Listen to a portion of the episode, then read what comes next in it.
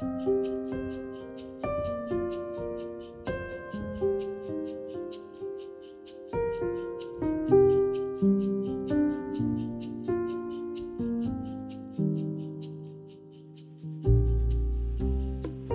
forrige Spire snakket jeg om en scene fra TV-serien The Chosen, som handler om evangelienes Jesus.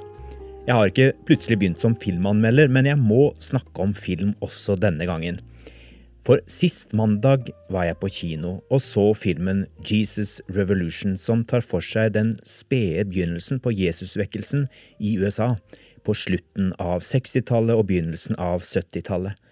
En vekkelse som også spredte seg til Norge og satte varige spor i en generasjon kristne. Om du ikke har rukket å se denne filmen mens den går på kino, vil jeg varmt anbefale alle å se den når den blir tilgjengelig på andre måter, og se den gjerne sammen med ungdommer.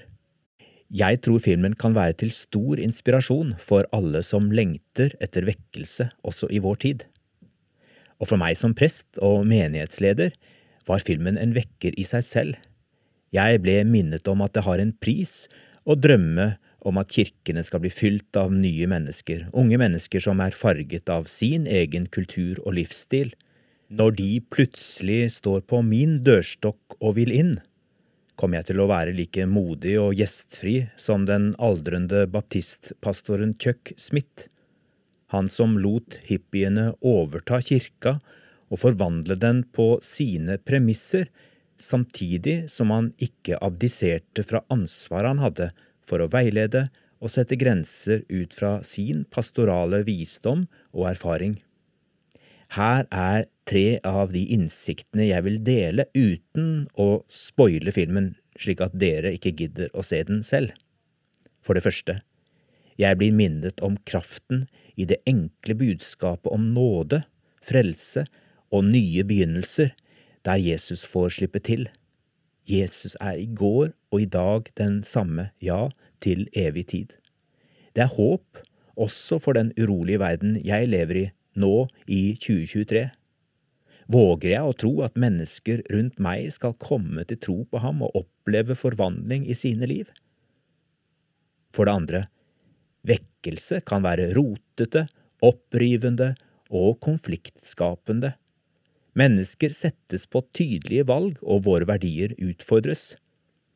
Hvorfor er vi egentlig kirke? Hvem er vi kirke for? Vekkelsestider har sin pris. Jeg forstår at mange kan foretrekke det jevne og tålmodige hverdagsarbeidet framfor slike kaotiske tider som en vekkelse fører med seg så må vi kanskje likevel spørre oss om de fleste av oss søker litt for mye fred og komfort. Kan vi tåle litt mer ungdommelig rot, hellig kaos og radikalt Jesus-opprør i stuene og kirkelokalene våre? For det tredje, slik Jesus plukket opp tolv uerfarne og ikke alltid like kloke ungdommer til å lede sin første bevegelse sammen med ham, slik har han fortsatt å bruke feilbarlige mennesker til alle tider. Vi som på ulike måter gis lederoppgaver i Guds rike, er mennesker, og høyst menneskelige både før og etter at vi har blitt berørt av Jesus. Det må vi aldri glemme, uansett hvor mye vi syns vi hører Guds stemme i våre liv.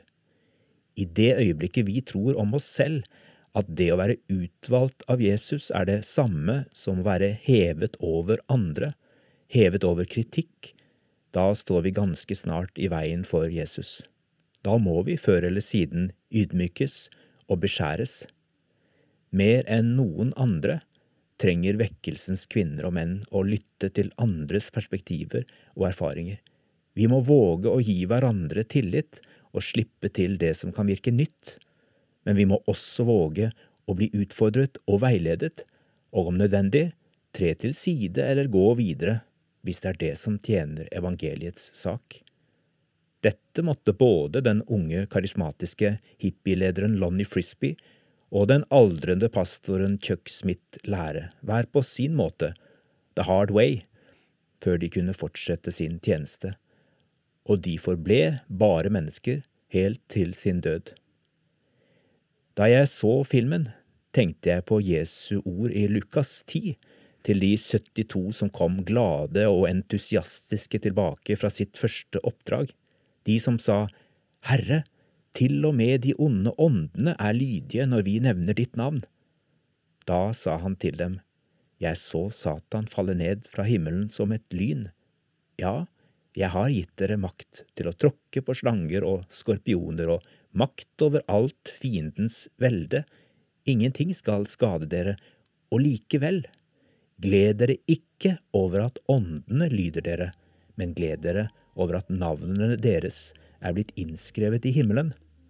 I samme stund jublet han i Den hellige ånd og sa, Jeg priser deg, Far, himmelens og jordens Herre, fordi du har skjult dette for vise og forstandige, men åpenbart det for umyndige små. Ja, far, for dette var din gode vilje. Kjære lytter, om du er ung eller gammel, full av forventning eller realistisk og litt skeptisk av deg. Be om at Jesus forbereder deg på akkurat det som skal være din plass og din tjeneste i fellesskapet når nye mennesker kommer til tro på Jesus i vår tid, på måter vi kanskje ikke forestilte oss.